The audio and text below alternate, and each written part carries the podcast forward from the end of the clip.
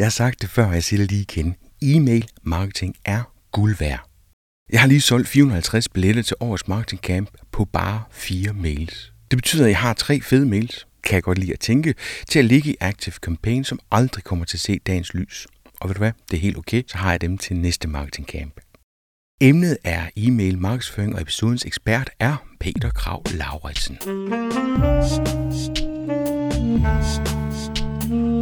Velkommen til Potterkort, en podcast om markedsføring på internettet. Din vært er Ip Potter.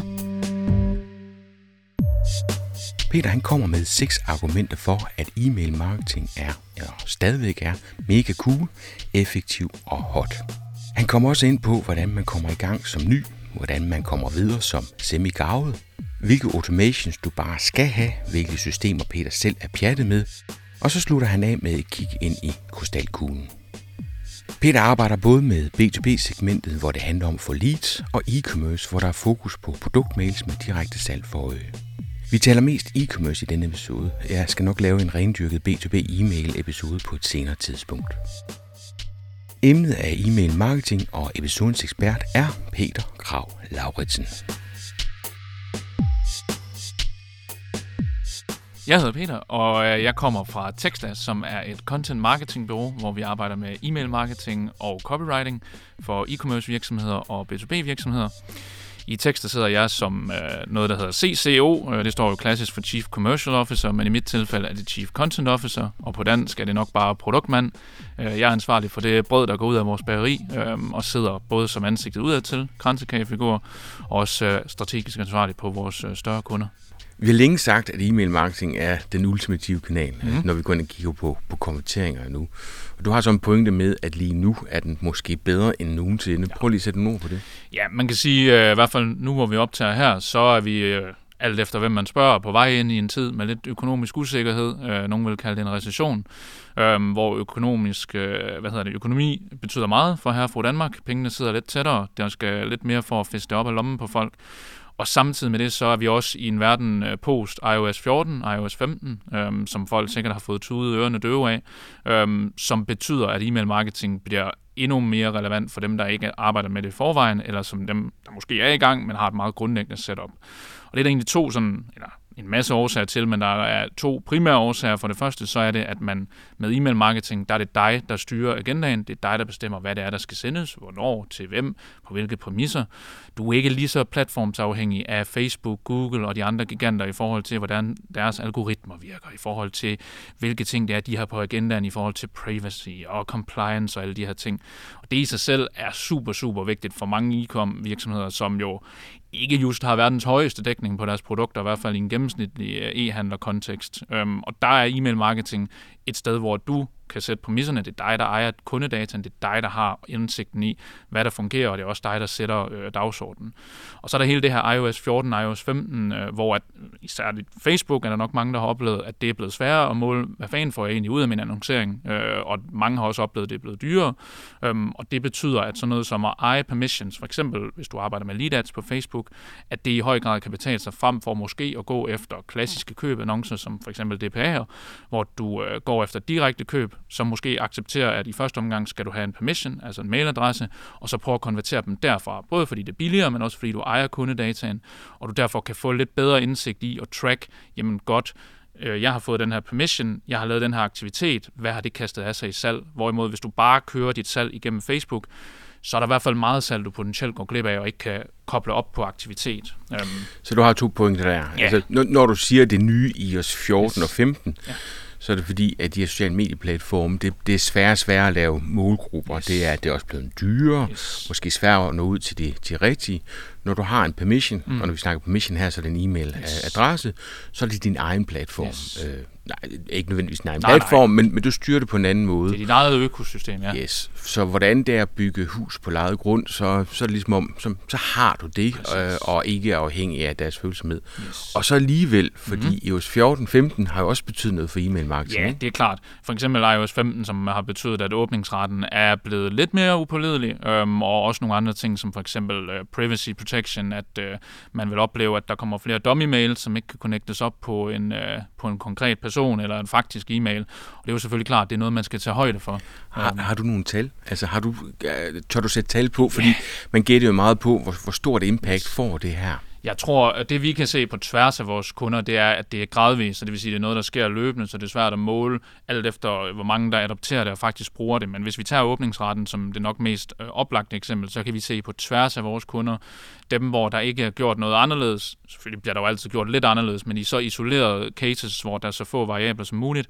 snakker vi et sted mellem 5-10% på åbningsretten, der har altså der er blevet højere, fordi at man har den her fake open, øh, hvor at Apple går ind og åbner mailen, selvom den måske, måske ikke er åbnet. Så det vil sige, det er ikke peanuts, kan man sige, men det er noget, man kan arbejde udenom, og der er også nogle mailsystemer, som jo har øh, tilpasset sig, så du for eksempel kan gå over og arbejde med klikattribuering, som stadig kan måles på lidet, altså at folk klikker i dine mails, eller som forsøger at circumvent det her Apple Privacy øh, Protection. Øhm, men det er sådan, hvert fald det, vi kan se på tværs af et gennemsnit øh, på, øh, på vores kunder. Vi snakker 5-10 procent. 5-10 procent. Ja. Og, og lige for at, at tage den, for jeg ved, der er noget lidt misforståelse om, hvad det egentlig betyder, så er der, der er to store faktorer yes. i det her. Ikke? Den ene, det er, at den downloader alle mails. Yes. Og det vil så sige, at, at de vil stå som åbnet, selvom de måske ikke er åbnet. Yes. Så, og det er der, hvor du siger, 5 altså din åbningsprocent bliver 5-10% højere, ja. end den i virkeligheden måske ja. er. 5-10% point, ja, det er nok lige vigtigt at få med. Ja. Okay, fint. Ja. Øhm, og den anden, det er så det der med, at man kan simpelthen bruge sin Apple device mm. til at lave en helt ny e-mailadresse. Yes. Du får den stadigvæk, mm. men det betyder også, at du kan ikke se, hvem jeg er, fordi du bare får sådan en hudlig hud yes. e-mailadresse. Ikke? Præcis, en, en dummy-mail, ja. Og så er der nogle andre ting, som for eksempel sådan noget som geotargeting, at man ikke, det bliver sværere at målrette på IP-adresser og alt sådan noget der. Så det er blevet lidt sværere, men man kan sige omvendt, så er det også en god lejlighed for dem, der så er dygtige til e-mail-marketing at udnytte det her. Øhm, modsat dem, der måske bare sender det ugentlige nyhedsbrev, og så siger de, så er det gjort. Det tænker jeg tit på, når de her ting kommer. Vi yes. bliver alle sammen rigtig, rigtig ærgerlige. I virkeligheden så er det jo mulighed for mm. at differentiere sig i forhold til konkurrenterne. Fordi hvis de ikke får gjort noget ved det, så kan det være mange begge små, jamen, så får du lige pludselig en kant, som du faktisk ikke kunne have fået tidligere. Så der, der, er, der, det, det er altid godt for et eller andet. Ikke? Det er altid om at vende de der udfordringer til en mulighed. Det er jeg helt enig i. Men man kan også sige, nu, øh, nu svæder vi lidt rundt om nogle andre ting, bare for at sætte lidt ord på dem også, øh, for jeg synes også, de er relevante at få med, men det her med, du nævnte Facebook, øh, og jeg nævnte også, at det er blevet sværere og dyrere, men man kan jo også bruge e-mail den anden vej, så for eksempel de permissions, du har indsamlet, bruge dem over i Facebook, Instagram, til at lave custom audiences, målret der, øhm, og så ligesom forhåbentlig få mere ud af det, du laver på Facebook. Og så er der jo selvfølgelig det her med, at e-mail marketing, i hvert fald for rigtig mange, det er omsætning nu og her. Du kan sende en kampagnemail, så skulle der meget gerne komme noget omsætning. Selvfølgelig skal du have gode produkter, god webshop, nogen, der rent faktisk gider læse det, men det er ikke i alt andet lige noget, du skal vente tre måneder på at se et afkast på. Øh, og det synes jeg også, der er vigtigt, især når man er på vej ind i en recession, eller i hvert fald lidt mere usikre økonomiske tider. Så hvordan ser du e-mail marketing nu? Hvad er, hvad er tendenserne? Jamen, der er faktisk et par stykker, jeg vil fremhæve. Øhm, den første, det er noget, vi lidt også har været omkring, med at øh, mange er begyndt at prioritere e-mail marketing, og det kan jeg jo kun være glad for som øh, konsulent, men også fordi jeg virkelig mener, at den kanal, den virkelig kan drive omsætning, både i sig selv, og også i samspil med andre kanaler. Det mærker vi både i forhold til, at der er flere, der snakker om det, lidt meta, vi sidder og snakker om det her selvfølgelig, men også i forhold til, at de kunder, vi får ind, dem vi snakker med, har typisk afsat væsentligt mere økonomi til det, og måske også har interne ressourcer i form af en e-mail-marketer, der er ansat, eller en marketingperson, som så har det som et delområde. Så virksomheden er opmærksom på, at er det fordi, de har sat sig ind i, hvad der sker med de her opdateringer, eller fordi de har hørt om det? Ja, men det, det er jo selvfølgelig lidt svært at spå om. Jeg føler, at det er lidt begge dele. Jeg tror, der er mange, som er blevet lidt overrasket over, hvor meget iOS 14 især har betydet for Facebook. Øhm, og så tror jeg også, der ligger noget i, at rigtig mange er begyndt at tale om det. Vi holder jo mange webinarer og podcast-afsnit og øh, gated content og alt sådan noget om e-mail marketing, og det gør vores dygtige kollegaer også. Og så kan jeg også mærke, nu snakker jeg om en del uddannelsesinstitutioner, der faktisk også er begyndt at prioritere at snakke om det her e-mail marketing. Så jeg tror, det er både tidens ånd, men også, at der er flere, der er kommet ind på markedet, som har fået øjnene op for det her. Øhm, men det er lidt svært. Jeg tror, det er svært at sige, hvad der sådan decideret pinpointer det. Men en af de steder, jeg også kan se det, det er helt klart, at den klassiske sted, som mange starter, MailChimp, øh, af gode grunde. Det er billigt, det er gratis, det er, i nogle tilfælde i hvert fald, og det er nemt. Der er langt flere, der i dag godt ved, hvis man er ambitiøs med sin e-mail marketing, så er det ikke der, man skal slutte eller starte for den sags skyld. Øhm, så at øh, folk allerede fra dag 1, når de kommer til os, måske sidder i sådan noget som Klaviyo eller Active Campaign eller Hey Loyalty, øhm, frem for at komme i en MailChimp-konto og sige, det er den, vi skal arbejde med. Fordi det er relativt begrænset, hvad man kan der. Øhm. Så skylder vi lige lytteren at fortælle, hvorfor det er, at du synes, at MailChimp jo stadigvæk er et godt startpunkt. Man kan sige, for de fleste ja. virksomheder, Granted, yes. der er det at få e-mailadresse faktisk en prioritet 1. Det, og jeg, jeg tænker, det er der, hvor der er nogen, der går koldt i øjeblikket, for de kan se, at de burde have en hel masse e-mailadresser, som de højst sandsynligt ikke har. Så MailChimp har været et godt startpunkt. De har været dygtige, kan man sige, ved at gøre det gratis øh, op mod, jeg tror det er 2.000 abonnenter, medmindre du scanner bestemt, men i den periode, du samler e-mailadresser op, så er det genialt. Men hvor er det, det kommer til kort? Jeg vil sige, det kommer især til kort på uh, automation-delen. Der er nogle muligheder, du ikke kan i MailChimp. Det kommer også rigtig meget øh, til kort i forhold til, hvis du vil have det tilpasset øh, til lige netop din kommunikation, brand, udtryk. Øh, og så vil jeg sige, MailChimp, for mig i hvert fald, den opfattelse, jeg har af det, er, at de prøver at være en for alle løsning, hvilket kan være rigtig fint, som du også nævner, men hvis du vil over i noget specialiseret og eksempelvis arbejde med lead-generering i B2B, så er du nok bedre off i sådan noget som HubSpot eller Active Campaign. Hvis du er e-commerce, så er det nok mere over i noget Klaviyo, Hey Loyalty, Drip-agtigt. Øhm, og der kan man sige, der mister de lidt på ikke at være specialiseret, eller i hvert fald ikke at være specialiseret nok. Øhm, vi kan også som om, de fandt lidt i søvn og ikke haft snuden i spor. Altså, der er, der er ikke kommet så meget nyt. Så kom der lige pludselig tags i virkeligheden, fordi den måde, de arbejdede med lister på, var helt hen i vejret. Og så lige pludselig så kunne man lave Facebook-annoncer mm. derindefra. Altså, det giver jo ingen mening. Nej. Og så har de altså også bare nogle sindssygt dygtige konkurrenter. Altså, det må man også bare give dem. Klaviyo, øh, nu, hvis jeg tænker to, tre, fire år tilbage, var der jo ingen, der havde hørt om det, og MailChimp var jo det kæmpe store. Jeg synes, jeg så en undersøgelse fra Mette Vild her for et par uger siden, hvor at øh, bare i, jeg tror det var 19, der var der måske 3 procent, der brugte Klaviyo. Det tal, tror jeg, der er markant højere lige nu. Um, så jeg tror også, noget af det skal også tilskrives de dygtige konkurrenter, de har. Nu uh, har vi jo også uh, hvad hedder det, lidt mere, at vælge mellem på den scene, end man har haft tidligere. Um, så det er helt sikkert også noget der, hvor at tendensen uh, oprinder. Tør du, øh, tør du komme med nogle anbefalinger, Peter? Det er altid, altså du ved, man har altid mm. nogle babyer og nogle systemer, man er glad for ja. end, end andre. Jeg synes, det er, hvis jeg kigger på mig selv, mm. øh, og, og det vi sidder med, så har det været meget med, hvornår man er hoppet på. Så jeg startede bestemt også i MailChimp, og bevægede mig videre til uh, Active Campaign, mm. men det var på grund af lead scoring i mm. første omgang. Ja. Og så kom alle de andre ting oveni. Og så har uh, Active Campaign har også et, et mini-CRM i forhold til, at det, det synes jeg også, der mangler. Mm. Kan du, øh, hvis nu du skulle lave en 1, 2, 3? Ja, altså så vil jeg nok splitte dem op i henholdsvis B2B og B2C, øhm, og jeg vil klart sige, øh, de tre, jeg typisk går til, når vi snakker B2B, det vil være sådan noget som Active Campaign, så vil det være HubSpot, og så vil det være sådan noget Autopilot-agtigt. Øhm, en, man ikke hører om ret tit, men kan faktisk også rigtig meget godt. Hvis vi snakker B2C... Kunne lige prøve at sætte pris på dem? Fordi yes. jeg er nemlig også til HubSpot, yes. men har været sen om at komme ind i det. Ja. Først fordi jeg synes forretningsmæssigt har de nogle etiske udfordringer. vi bliver jo nærmest øh, tvunget til at sælge det produkt ind tiden end alle mulige andre. Det bryder mig overhovedet ikke om. Ja, jeg er øh, helt enig. De, øh, ja. Og så, ja, og så, og så er der pris. Yes. Jeg vil sige, HubSpot, øh, hvis de ikke havde så sindssygt et godt produkt, så den der måde, de driver forretning på, det er i hvert fald ikke, øh, når man kommer fra Vestjylland, så øh, bliver man lidt stødt på manchetterne der. Men HubSpot, klart, den dyre Porsche øh, til dig, der skal have alt det fede. Jeg vil sige, HubSpot, det skal man kun bruge, hvis man også sørger for at få brugt alle andre dele af det. Eller i hvert fald så meget af det som muligt, for ellers så kører du rundt i en rigtig dyr øh, setup. Helt enig. Altså, og det er der, hvor jeg har, jeg har prøvet at køre best of all breeds, mm. fordi den, den, den tanke kan jeg godt lide. Og alle systemer har integration af API'er, men der er alligevel en bøvlfaktor, hvor man kan sige, HubSpot, der, altså, der er de jo mega dygtige. Mm. CRM'et i forhold til e-mail marketing, support, kundetilfredshed. Øh, når det hele er syet sammen, så, så får du rigtig meget forærende. Og det er så der, hvor min bekymring kommer nogle gange, fordi rigtig mange af virksomhederne yes. køber sig ind i den her 7 PDQ, men de får det ikke brugt. Nej. Og så er det godt nok et dyrt e-mail marketing system, ikke? Så er det rasende dyrt. Altså som e-mail marketing system standalone, der skal man have nogle gode argumenter for, hvorfor det giver mening. Øhm, og det er jo egentlig en god segue over til Active Campaign, Autopilot, som jeg ser som de der lidt mere human prisleje, øhm, som er specialiseret i e-mail marketing, jo, Active Campaign har også en CRM-del. Jeg synes ikke, den er super god, øh, men den, den er fin, den er bedre end ingenting, øh, men de ligger i markant mere human prisleje. Jeg plejer at sige, hvis vi kun snakker e-mail marketing, så Active Campaign Autopilot kan 80-90% af det HubSpot kan.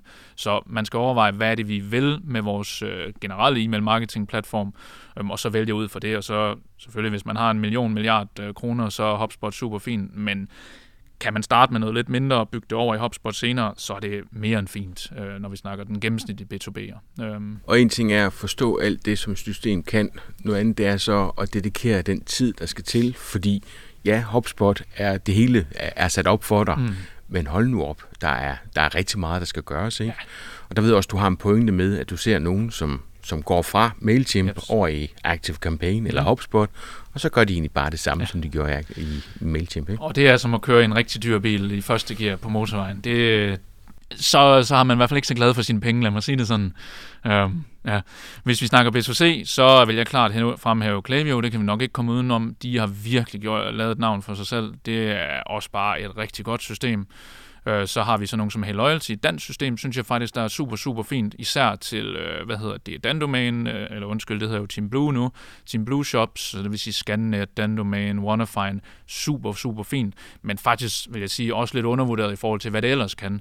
Det er måske ikke det lækre system, sådan rent designmæssigt, det er noget, jeg ved, de arbejder på, men kan rigtig, rigtig mange ting også, og hvis man vægter det danske højt, så er det en super vigtig point også i forhold til GDPR, compliance og sådan noget her. Og det, som Hey Loyalty kan, det er, at den går ind tager produkt yes. på baggrund af den måde, man har købt tidligere eller bevæget sig rundt på websitet. Så der er noget intelligens, der kommer i spil der, som Præcis. giver fuld ud mening, hvis man har en, en webshop. Yes.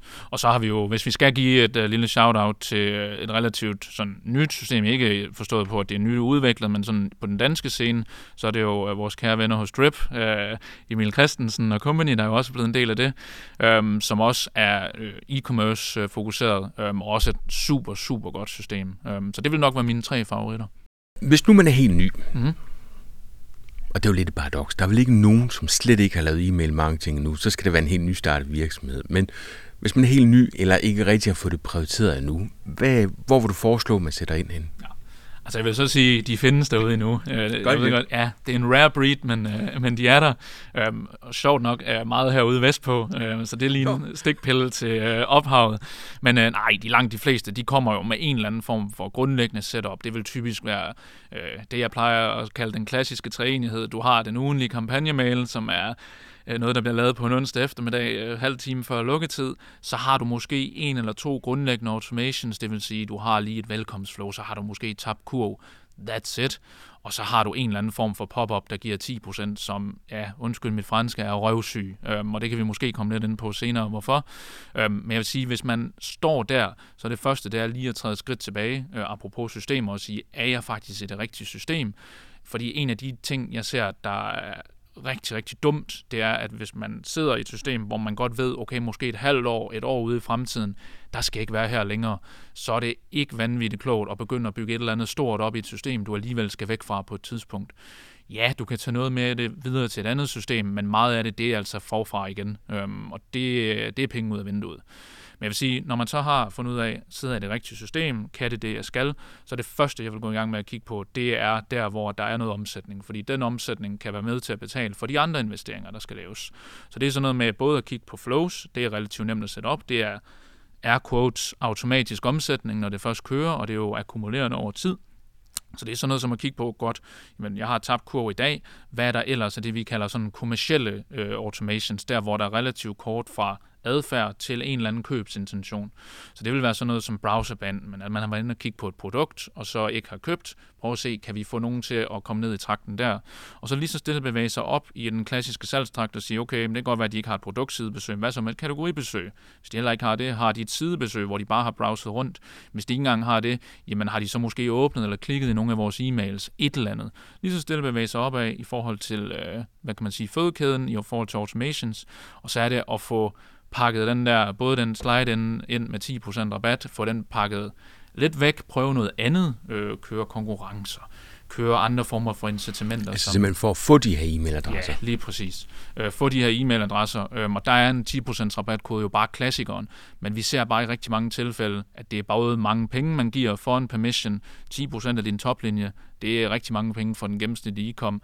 Så det kan være sådan noget som at køre konkurrence, der spreder du udgiften ud over alle dem, der deltager. Det kan være at give et gift with purchase, altså en eller anden lille ting, en tote bag, et smykkeskrin, et eller andet, som er relativt beskedent i udgiftsmæssigt, men som kan være sådan den værdi, der skubber folk til at købe.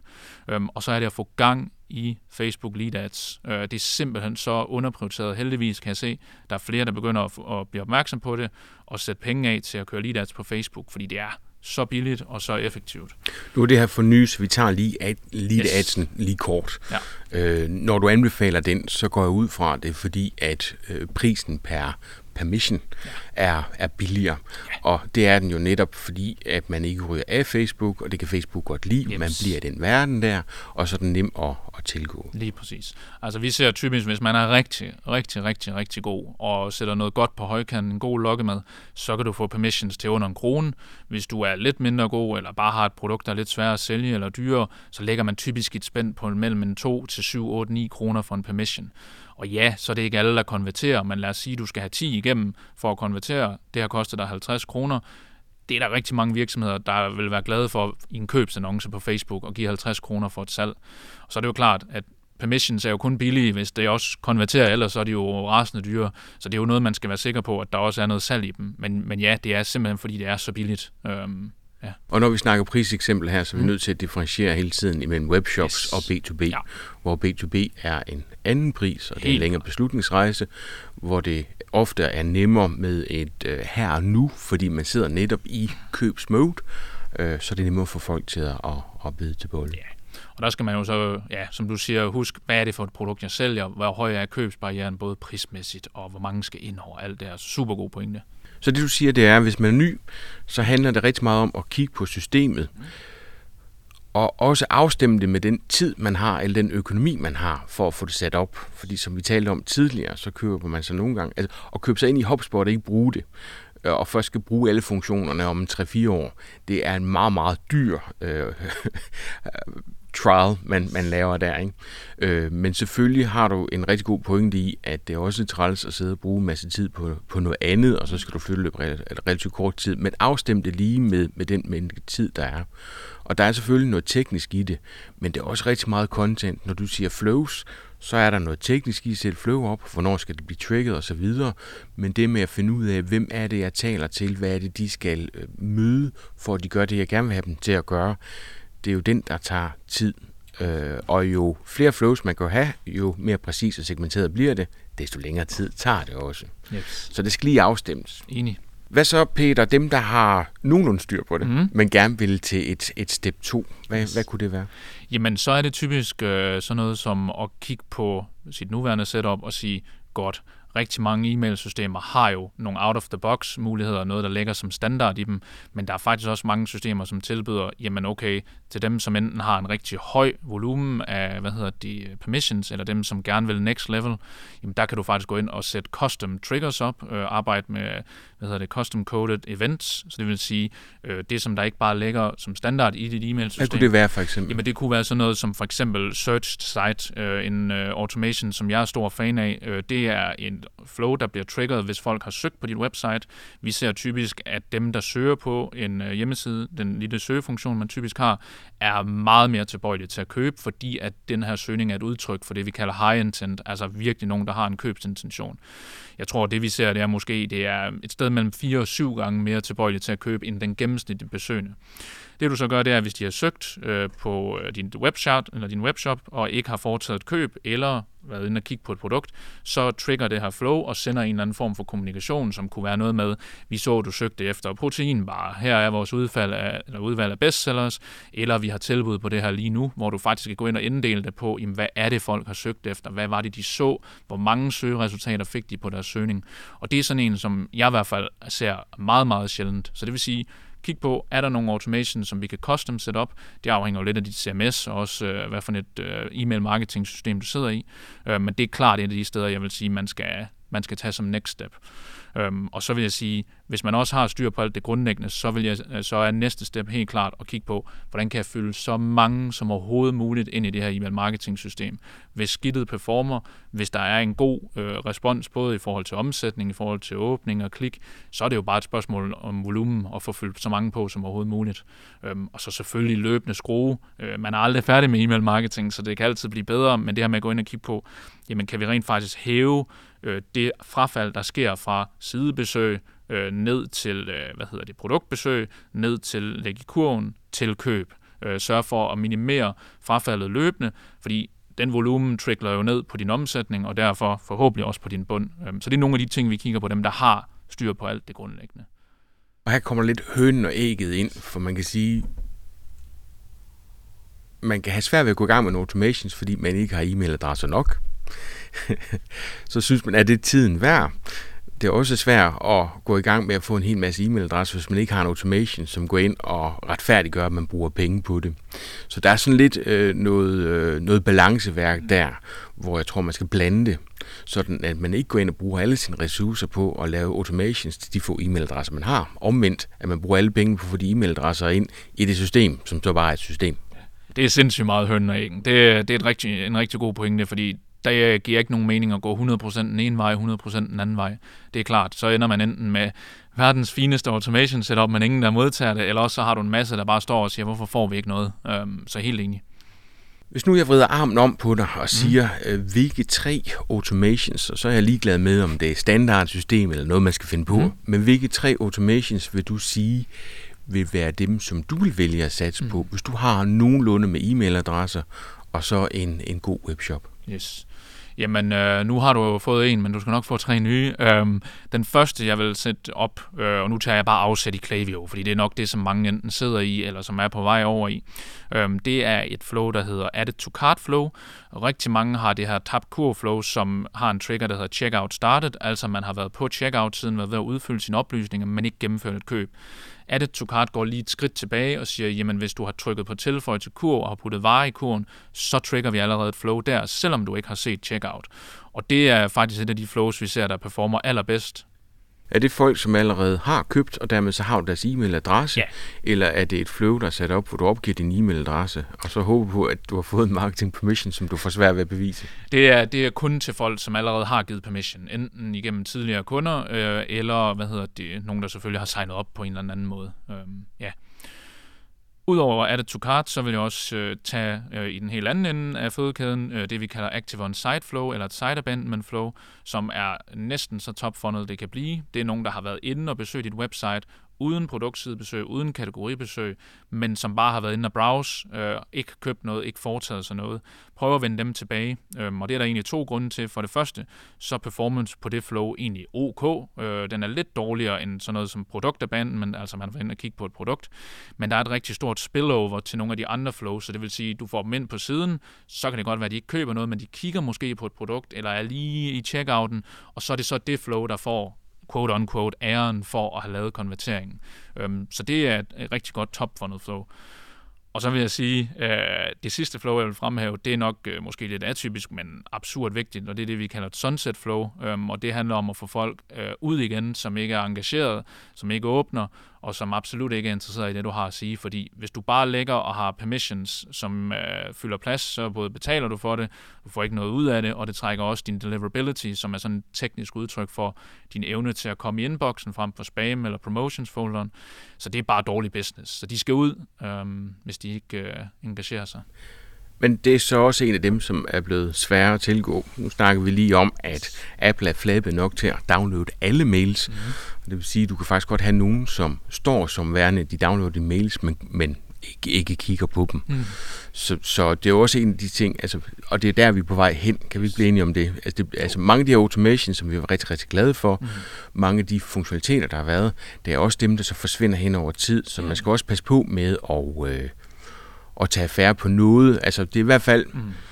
Det er ikke blevet så sort-hvidt, eller det er ikke så sort-hvidt, som det har været. Nej, og det er rigtigt. Altså, øh, hvis man skal have de meget dystre briller på, så er der jo nogen, som siger, at automations på et eller andet tidspunkt, i hvert fald mange af dem, ikke vil være mulige længere, fordi noget af det er baseret på ting, der sker væk fra din hjemmeside det, der sker på din hjemmeside, kan man altid, eller i hvert fald i et vist omfang, være sådan forholdsvis sikkert på. Det kan du næsten altid track på, medmindre der sker der noget helt absurd med GDPR 2.0 eller sådan noget.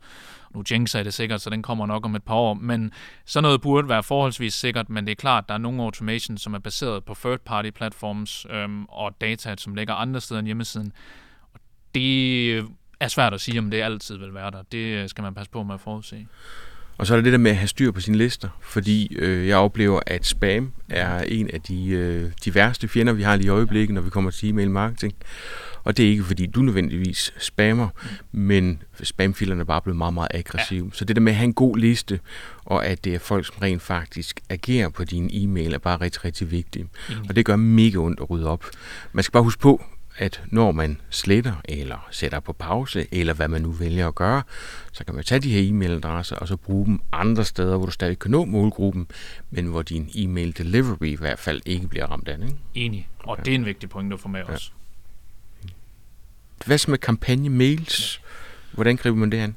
Ja, jamen det bliver nok også lidt webshopping igen. Øhm, nu snakker vi jo lidt tidligere omkring det her med, at B2B kan lære meget af e-com og tilbage, og her, der tror jeg, at begge kan lære en lille smule. Øhm, mit udgangspunkt for kampagnemails, eller de her nyhedsbreve, som det jo også hedder, øhm, der har jeg egentlig bare skrevet en note, og den er relativt nem, det er send mere.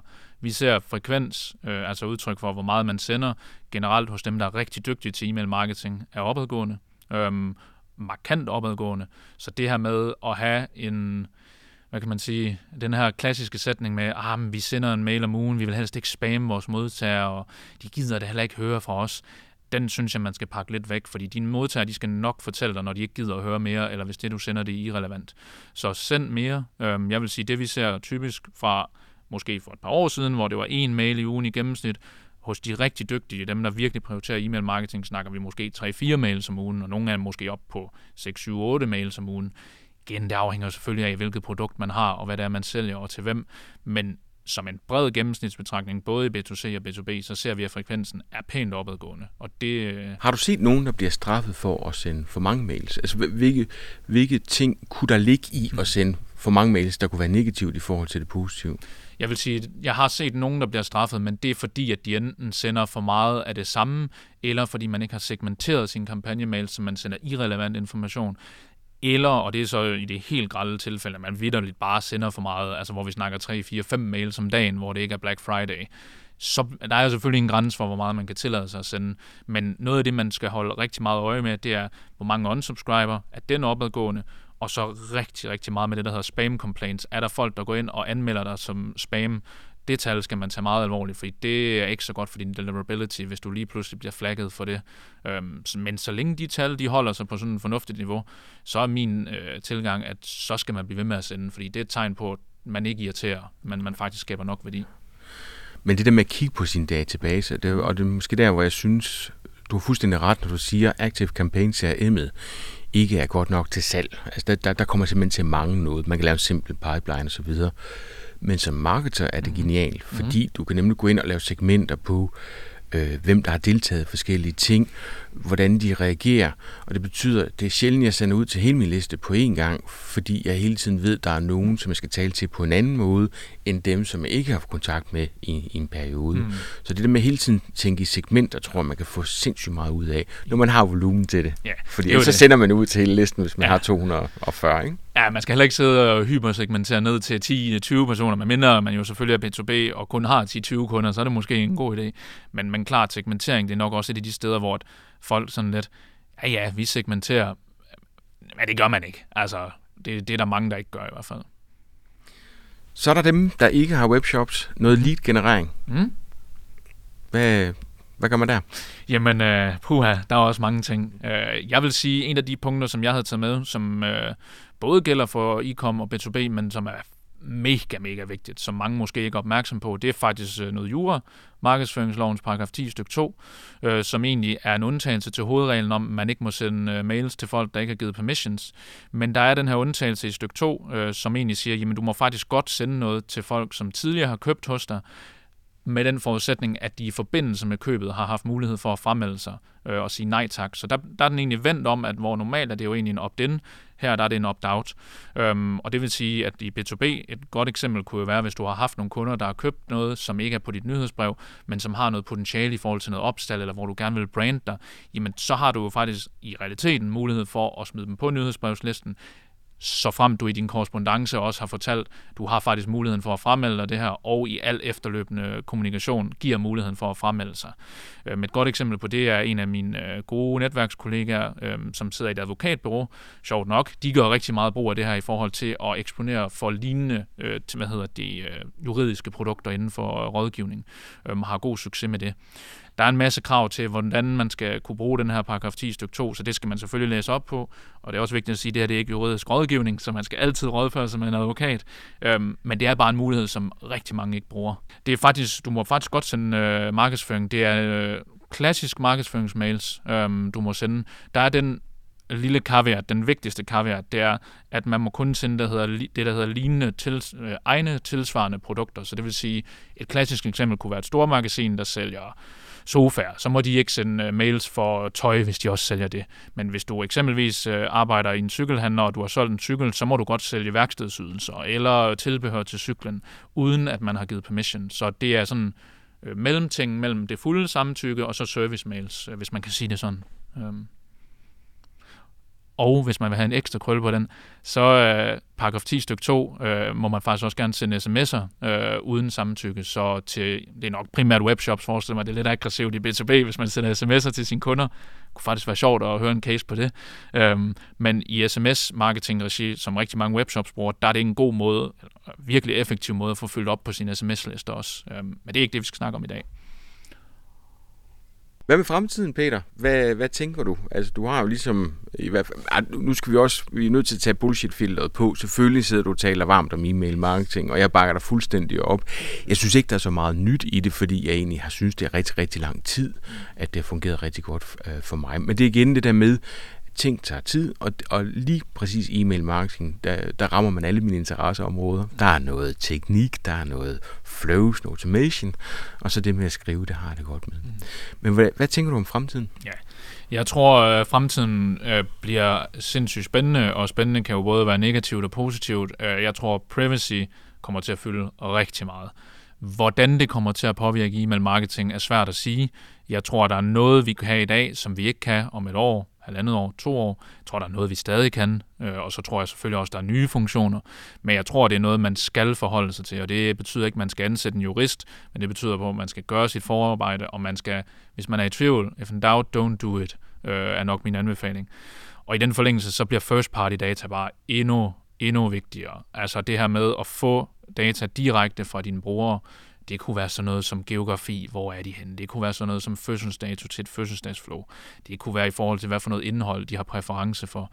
Der er nogle systemer i dag, som øh, kan gøre det for dig og lave de her predictive øh, hvad hedder det, analyser og sige, vi antager, at vedkommende på baggrund af X, Y, Z vil have den her type indhold.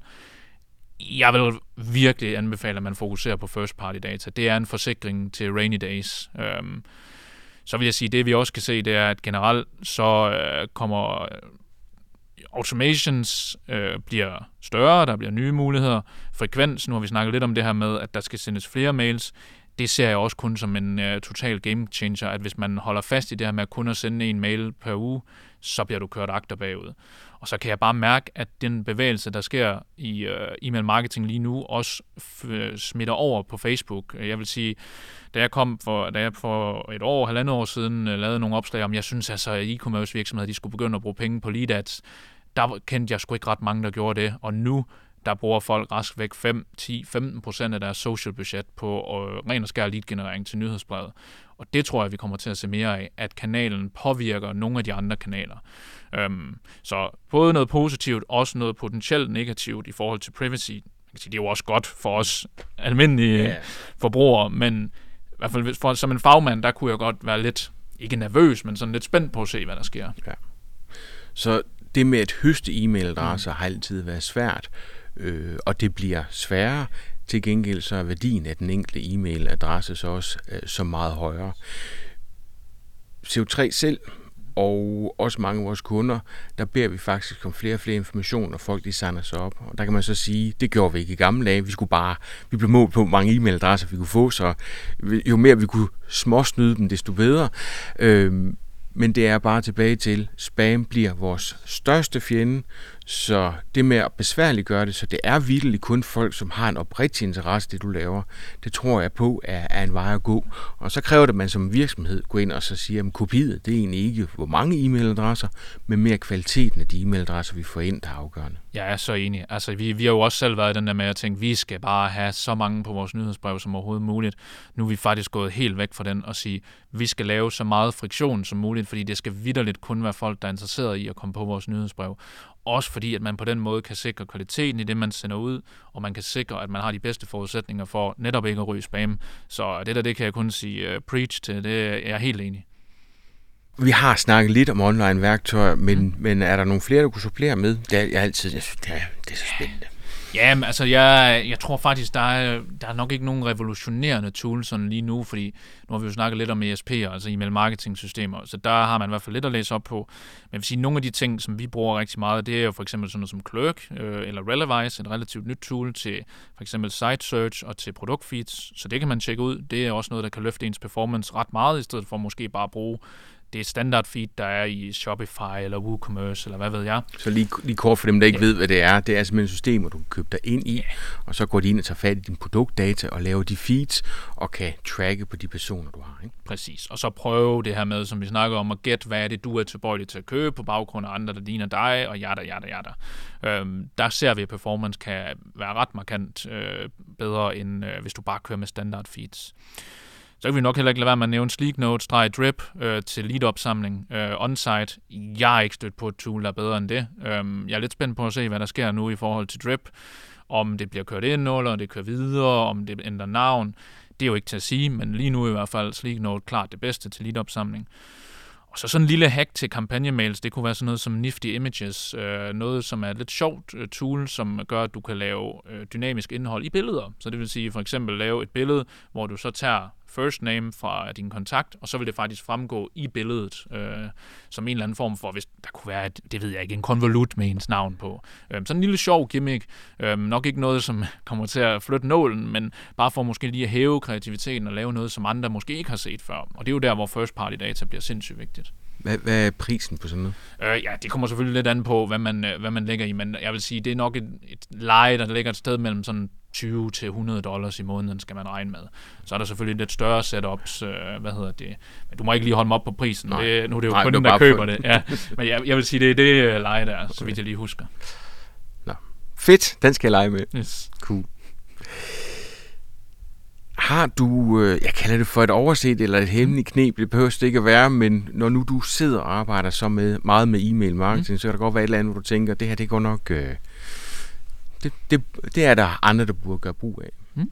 Ja, øh, jeg har et par stykker, øhm, og jeg tror også, jeg har skrevet i noten her, at øh, det er egentlig lidt øh, klichéagtigt, men det er at tænke ud af boksen. Øhm, nu snakkede vi lidt tidligere om det her med, at flere begynder at prioritere e-mail marketing, der kommer flere, der kan det, uddannelser har fokus på det en af de ting, jeg ser, det er, at folk måske tænker lidt for meget klassisk, altså at et flow, det skal indeholde tre mails, der skal være det her mellemrum mellem dem, og så videre, og så videre. Og det behøver det ikke partout at være, altså der behøver ikke være tre mails over fire dage i en eller anden linje rækkefølge. Øh, vi har for eksempel nogle kunder, som tænker, jamen, hvordan kan vi gøre noget anderledes, som for eksempel et post-purchase flow, som er et flow, der bliver sendt ud til folk, der har gennemført et køb. Øhm, og det vil typisk være sådan noget som, tak for dit køb, det betyder sindssygt meget, øh, følg os på Instagram. Der har vi egentlig taget en lidt anden approach, hvor at, jamen, kan vi lave et relativt hurtigt opsalg øh, efter det her køb? Kan man gå ind og sige, okay, jamen, øh, ham her, han har købt det her, det er typisk noget, andre køber typisk det her i forbindelse med det køb. Øhm, og så lave et øh, mere salg, krydssalg, opsalg, og det performer vanvittigt godt. Det kræver selvfølgelig, at du kan koble den oprindelige ordre op på det ekstra salg, der sker, fordi ellers så mister du lidt pointen i det, hvis du skal sende to pakker. Men det her med at være lidt kreativ. Ja, ja og det med at gøre det med det samme. Yes. Så øh, portoen er jo bare et pain point mm. for alle de her webshops.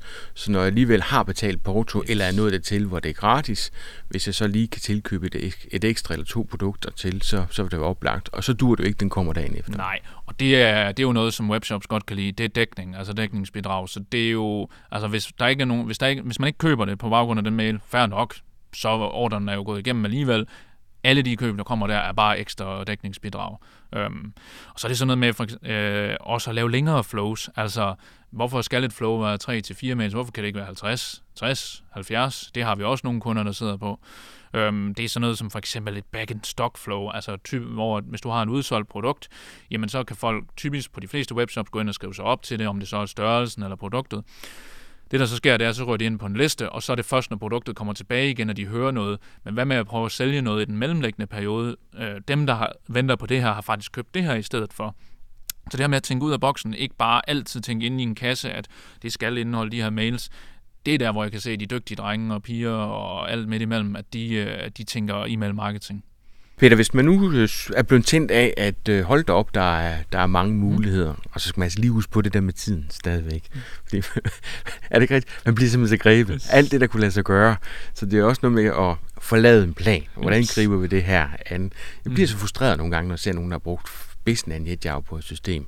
Og så, ja, det gør bare ondt, ikke Ja, det gør det. Ja. Og i gamle dage, der var det apsis. Jeg løb uh, ind i sindssygt mange, som brugte spidsen af en jetjav på apsis. Og de kunne ingenting system kan en hel masse, men du skulle have en konsulent på hver yes. gang, og man synes lige, man har betalt alle sine penge for at komme ind i systemet, mm. er også mega træls. Øhm, men hvis nu man synes, det er det spændende, mm. hvor du sender lytteren hen for at blive klogere?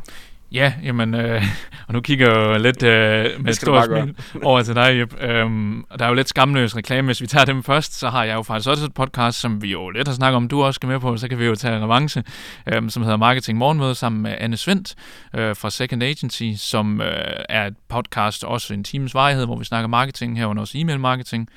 Så øh, har vi også vores egen mailliste, som vi faktisk øh, as we speak, lige er ved at lægge sidste hånd på at relancere, hvor vi kommer til at droppe alle salgsmails, alle eventsmails, kun laver værdifuld info, og sender en uge, ma- ugenlig mail ud på B2B, B2C. Så ja, der er måske lidt dobbeltmorals med den her ugenlige mail, men uh, so be it. Men hvor det er konkrete tips, altså guides, der fortæller, hvordan skal du gøre det her, hvad skal du prioritere. Og så vil jeg også pege hen mod vores LinkedIn. Det var den skamløse reklame. Andre anbefalinger, det vil være sådan noget som uh, den podcast, vi sidder og lytter til nu. Øh, der er rigtig mange dygtige folk. Øh, jeg tænker måske også, der kommer et afsnit om e-mail marketing på et tidspunkt senere. Men ellers så vil det nok være sådan noget som CMO After Hours, øh, Nordic Socials, rigtig god podcast, Marketers Morgen fra marketers.dk, og så et relativt nyt podcast også, som hedder Content Performance, som jeg mener, det er Obsidian, der står bag sammen med Confect. så det er nok nogle gode ressourcer, jeg vil give et digitalt skulderklap. Du er glad for podcast? Jeg er sindssygt glad for podcast. Jeg kører også meget, så øh, det, øh, de, øh, ja, hvad er det, en time og et kvarter hver vej fra Aalborg til Aarhus og tur og tur, der, øh, den bliver fyldt ud med podcast. Jeg vil sige, jeg har også holdt en pause i Potterkort med god samvittighed, for der er kommet sindssygt mange øh, danske podcast, men faktisk sindssygt mange gode. Øh, og det, det synes jeg er fedt. Altså, så, så den der med, at øh, det indhold, der er gældende, så tager vi en spand over hovedet og, og krydser fingrene. Den er væk. Altså, det er, det, det er virkelig fedt. Ja, det har virkelig rykket sig. Altså, når jeg tænker tilbage fra, da vi øh, stødte på hinanden første gang, der var der jo grundlæggende set kun dig, og så kom der selvfølgelig marketing brief lidt senere. Nu kan du altså i en positiv forstand fodre svin med podcasts, øh, og det er jo bare fedt. Der er fandme mange gode. Bum. En gode sager. E-mail marketing kan pumpes op og blive til et kæmpe projekt, der aldrig nogensinde forlader tegnebrættet. Og så er effekten godt nok meget, meget, meget lille. Så i stedet for at bruge pengene på dyre systemer, ja, så post dem i den tid, det tager at lave nogle fede mails og begyndende automatiseringer. Og så får du alle argumenterne til at kaste penge efter flere features. Vi høres ved.